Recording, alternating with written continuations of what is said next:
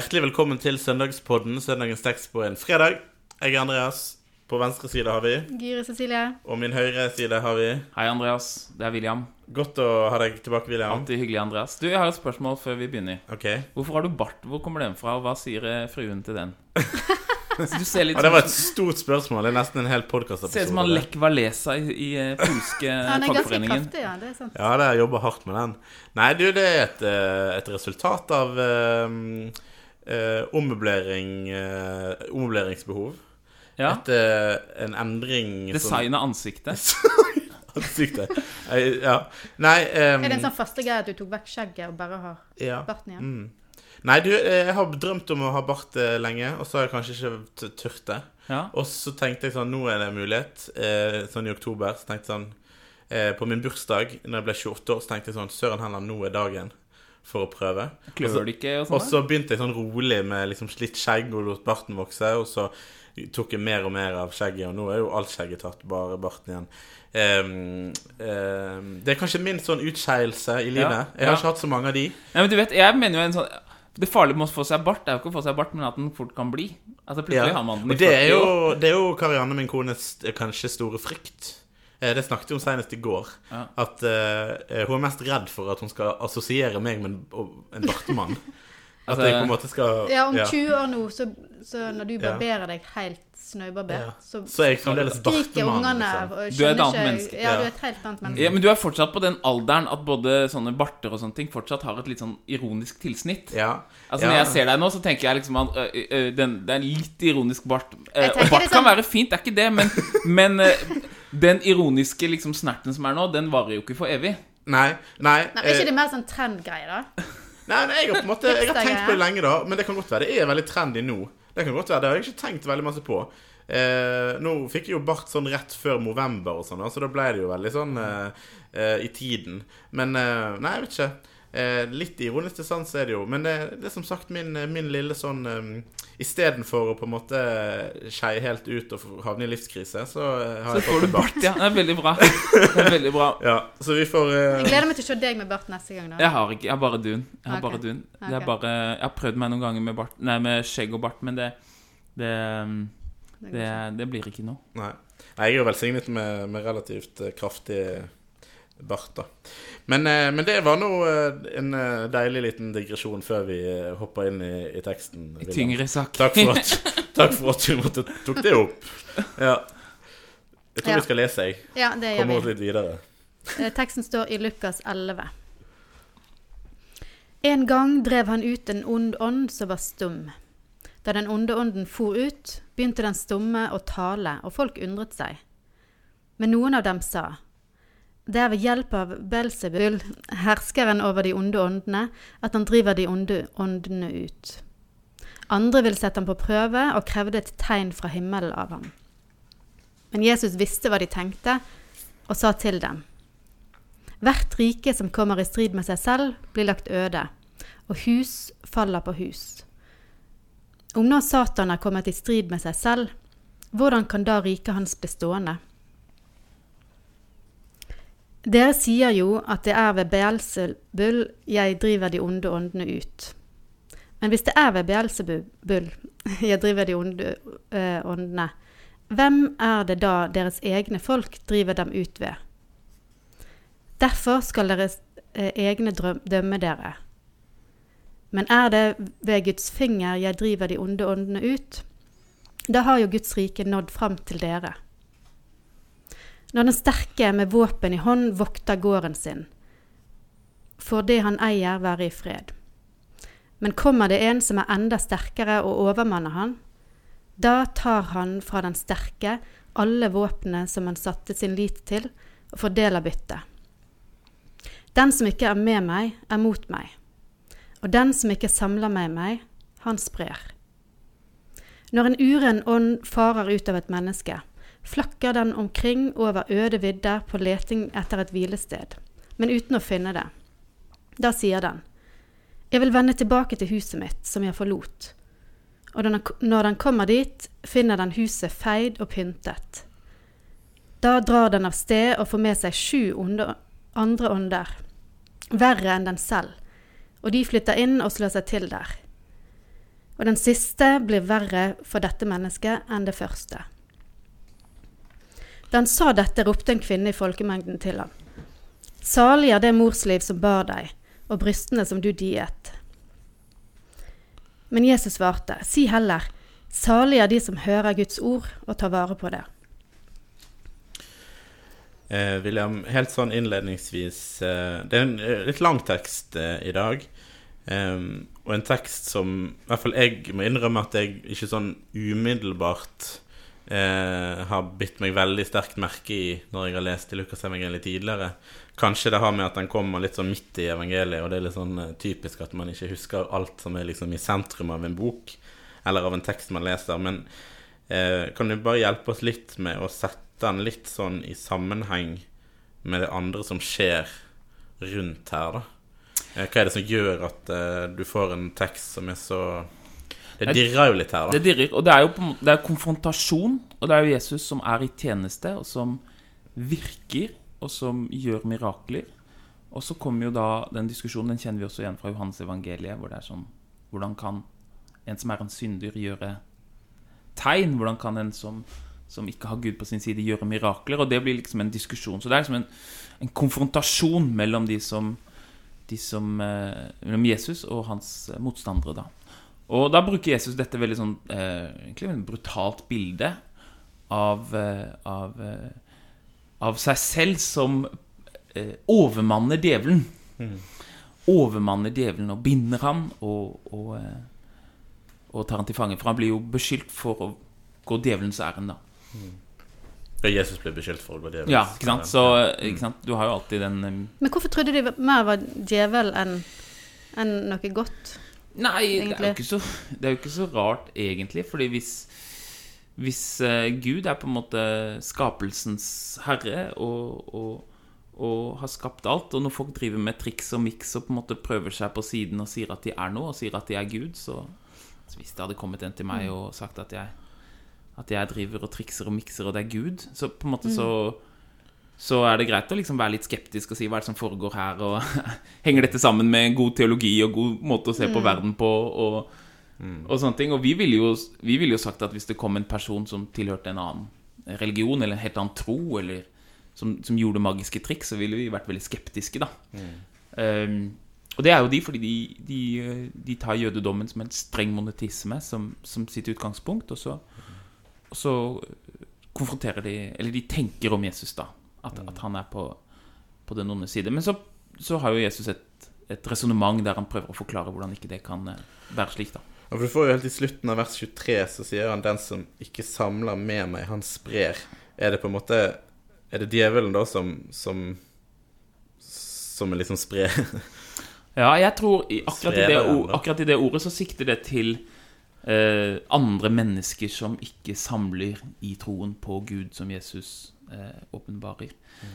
Men Eh, Men det ligger på et annet nivå også, det henger, for det henger sammen med eh, konfrontasjonen med djevelen. Altså Ordet djevel, diabolos, det betyr det som diabolos. Bolæ, det er jo ikke sant, gresk. Bolle, kaste fra hverandre. Ja. Diabolos, man, Djevelen er den som kaster ting fra hverandre. Ikke deler ting, men kaster ting. Sånn at ting blir uorden og ikke ærer Gud, og ikke er etter Guds vakre skaperordning. I Gamle testamentet så Gud skaper på syv dager. Gud skaper solen og månen og stjernene. Og, og Gud har skapt skjønnheten i den harmoni som er i skapelsen. Mens djevelen ødelegger, kaster ting fra hverandre. Kaster fra hverandre kropp og ånd, kaster fra hverandre eh, Gud og mennesker, kaster fra hverandre relasjoner. Det, er det, det er djevelens vesen. Den sprer. Ødelegger og sprer. Ødelegger og sprer. Og det, det, og det ligger jo fordi det er et opprør mot Gud i det djevelske. Man vil ikke underordne seg Guds gode skaper eh, eh, skapergjerning. Og når man under... Hvis du har et system, og så vil du på en måte gjøre opprør mot systemet, ja, da, da, blir det, da blir det bråk der. Og det, jeg tenker tilbake på eh, Når vi leser teksten, så tenkte jeg tilbake på historien om Babelstårn. Ikke sant? Historien om Babelstårn kjenner vi som fortelling som skal forklare hvorfor det er mange språk i verden. Men det er jo på en måte en første liksom, overflaten av teksten. Og, og, eh, men det er like mye et spørsmål om hvorfor klarer ikke mennesker å samle seg til ett rike? Hvorfor klarer vi ikke å samarbeide alle sammen? Hvorfor klarer vi ikke å være ett? Hvorfor har vi kulturer som kriger? Hvorfor har vi ulike kongedømmer? Jo, fordi eh, det fins en, en slags uløst dilemma når man ønsker å bli Gud. Ønsker å komme helt opp til Guds trone og gjøre, dermed gjøre opprør mot Gud. Så blir det eh, konflikt eh, av seg selv fordi alle blir sin egen gud. Så alle i Babelstårn på en måte har jo drømme om å bli sin egen gud. På samme måte så er djevelen den er alltid, Det djevelske er alltid det som gjør opprør mot Gud, og derfor som sprer eh, Fordi det ikke eh, Skal jeg si eh, Vil være en del av den gode skaperharmonien som Gud har skapt.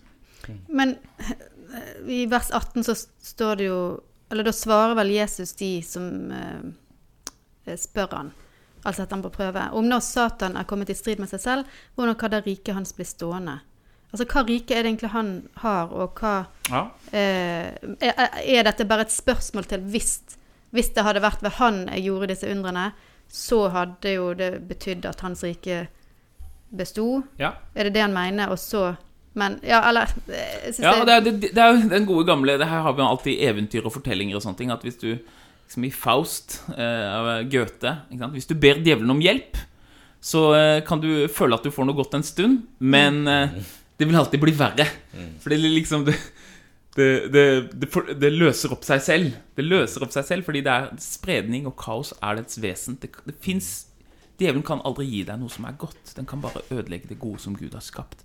Men det fins en referanse her når det er et hus som er i strid med seg selv, og det er jo til den store borgerkrigen som var utgangspunktet for eh, forskjellen mellom Nordriket og Sørriket i Gammeltestamentet. David lager et stort rike, han får sin sønn Salomo, og Salomon får sønner, Jeroboam, som gjør opprør. Og så får du to riker. En forferdelig borgerkrig som eh, legger grunnlaget for at til slutt så går jo hele riket under, og så kommer babylonerne og sletter tempelet. Eh, og det er liksom, Du har en borgerkrig. Og, og hva er problemet? Hva er det grunnleggende problemet? Jo, det er jo problemet i forholdet mellom gudslydighet og makt. For israelsfolket vil gjerne ha konge. Og vi vil være som de andre. Vi vil ha konge, vi vil ha fine kroner og slott, og vi vil liksom føle oss sånn som de andre. Og så sier eh, Gud nei, dere skal ikke ha noen konge. Jeg er deres konge. Eh, dere skal bare ære meg. Moses var ikke noen konge. Moses hele tiden Nei, vi vil gjerne ha konge, for vi vil ha hær, og vi vil ha rike og sånne ting. Og så får de en konge, da. Så får de David. Men det er en sånn, en sånn uh, tension, eller en sånn spenning, som ligger gjennom hele Gammeltestamentet, og som Babels tårn er den første uttrykk for, og som kommer med, liksom, med kongekronen. Og det er det å å kunne liksom eh, forene autoritet og fellesskap.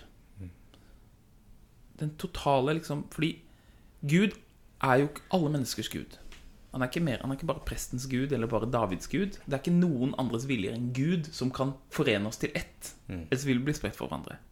Og det på en måte går ikke. Makt og den totale overgivelse til Gud eh, eh, krasjer og skaper eh, Skaper eh, borgerkrig. Men så i Det nye testamentet så åpenbarer Jesus den, den perfekte foreningen mellom autoritet eller makt og enhet. Ved at han samler alle mennesker i sin autoritet. Fordi hans autoritet er på en måte at han gir avkall på sin makt. Så han er kongen. Han er alle menneskers konge. Alle herrers konge.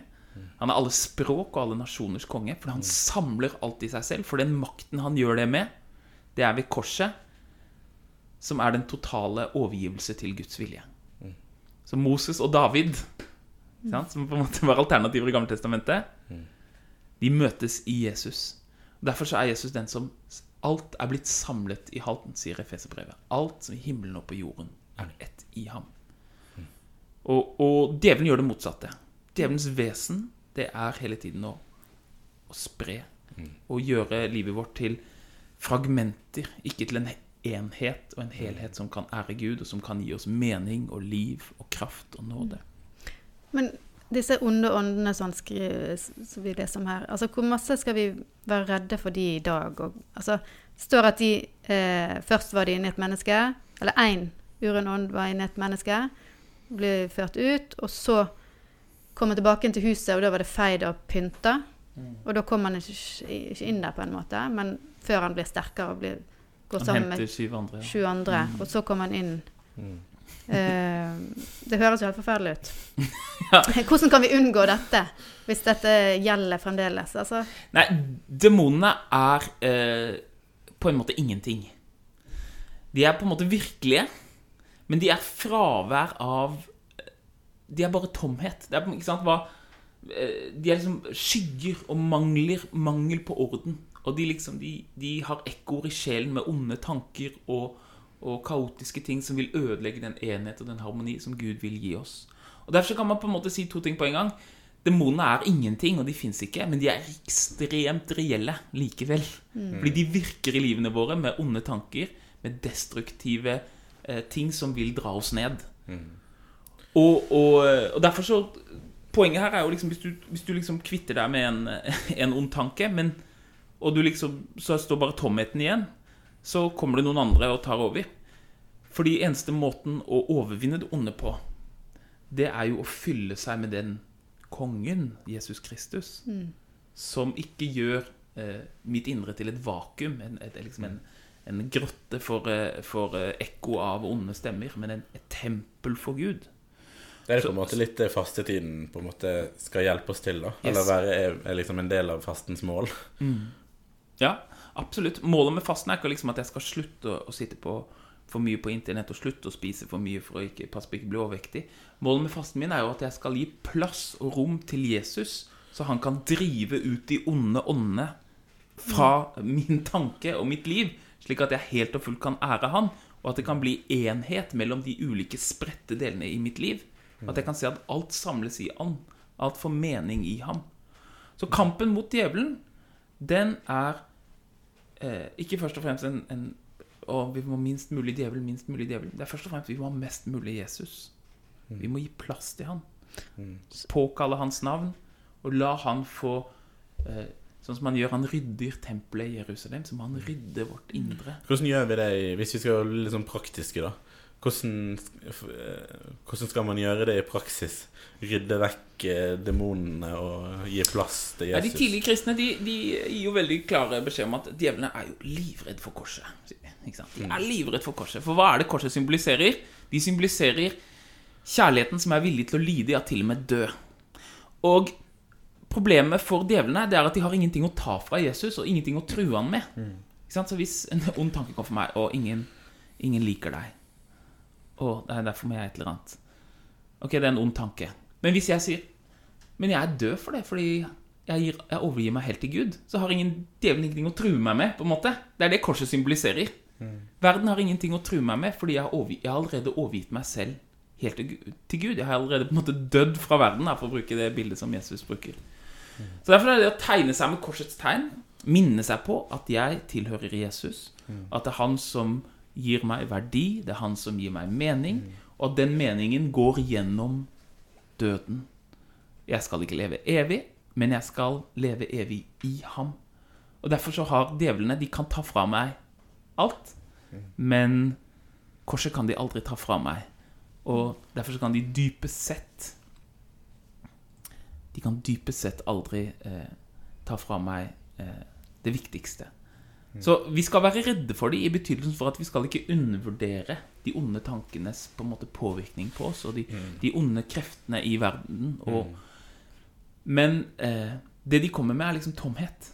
Eh, og, og skygger. Og, eh, og korset, påkallelsen av Jesu navn. Strever man med noe, så, så, så og, og få det ut i lyset. Snakke med mennesker om det.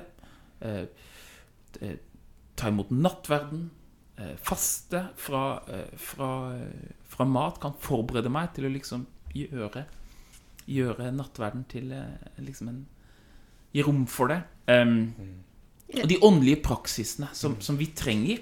Fordi em, det er sånn Det fins i 'Brødrene Karamazov', min favorittroman, så er det den her at ateisten han, han tror ikke på Gud, men han erfarer djevelen. og det liksom tenker jeg liksom i vår tid. At det selv om Folk tror kanskje ikke på Jesus og Gud, men de erfarer de onde tankene som helt irrasjonelt og fra ingen steder at kommer opp så å si fra helvete med onde tanker og liksom bare midt i en eller annen situasjon. Ingen er glad i deg, eller, eller det fins ikke noe håp for deg, eller alt går til helvete for deg, eller, eller eh, Hvorfor gidder du å bry deg om dette, eller eh, De bare kommer fra ingen steder. Altså bare, wow, hvor kom den tanken? Og da må man avvise den i Jesu navn.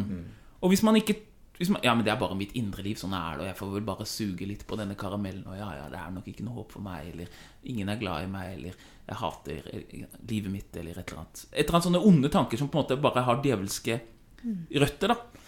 Så er det kristne eh, eh, livet. Det er et liv der vi kan få lov å si Djevelen er blitt overmannet av korset. Korset er min trøst. Og en korsfestet mann kan djevelen ikke ta noe fra. Altså, se for deg se for deg at Jesus henger på korset, og så liksom driver du og erter Jesus, og så er han korsfestet. Han er jo allerede korsfestet, hva mer kan de ta fra han? Altså, sånn der, og, men, eh, og sånn er det for oss. Vi er korsfestet med Kristus. Eh, Vi eh, har dødd bort fra synden og bort fra alt det som djevelen kan true oss med. I vår dåp så døde vi med ham, og vi har fått et nytt liv. Og når vi lever i det nye livet, så kan vi erfare seier over djevelen i Jesus navn. Og Derfor er Jesus den sterke som binder djevelen. Han binder han, men han gjør det ikke. Og det er derfor metaforen er litt sånn eh, forledende, eller kan være litt sånn rar. Han gjør det ikke med, med makt. Liksom David gikk ut i krig og slo Goliat med fysisk makt. Nei, han gjør det med korset. Korset er hans kraft. Han binder verden ved at han ble bundet. Han fanger djevelen ved å la seg fange og, og, eh, og myrde. Han, han robber dødsriket ved å bli kastet i dødsriket. Fint. Man kan jo av og til eh, bli litt sånn skremt av disse tekstene der åndene og djevelen får holdt på å si for mye plass. Eh, men da er det fint å, å kunne snakke om de og, og få det der håpet som også ligger der, da. I Jesus som samler. Eh, og vi kan få lov å hvile i det, da. Eh, det er fint å ha med seg inn i fastetiden, som eh, for mange er en litt sånn en litt sånn spennende tid på mange vis, der en skal prøve å gi avkall på noe for å gi plass til noe annet, og så klarer en ikke alltid helt å, å gjøre det på, på beste vis, og så kommer middagsdemonen, som vi har snakket om før, der en eh, kanskje ikke helt mestrer alle disse planene en hadde lagd for fastetiden. Eh, men å hvile i, i at vi er korsfestet med Kristus, er jo en veldig viktig ting. Ja. Vi skal avslutte med å be. Vår Far i himmelen. La navnet ditt helliges. La riket ditt komme. La viljen din skje på jorden slik som i himmelen. Gi oss i dag vårt daglige brød, og tilgi oss vår skyld, slik også vi tilgir våre skyldnere. Og la oss ikke komme i fristelse, men frels oss fra det onde. For riket er ditt, og makten og æren i evighet. Amen. Velsign oss Gud Fader, velsign oss Gud Sønn, velsign oss Gud Du Hellige Ånd. Amen.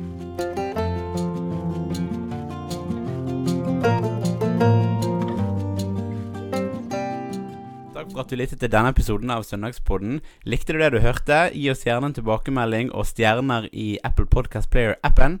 Følg oss gjerne på Instagram under brukernavnet Søndagspodden. Og del den gjerne med noen eh, du kjenner som kan ha stor glede av eh, denne podkasten. Vi snakkes.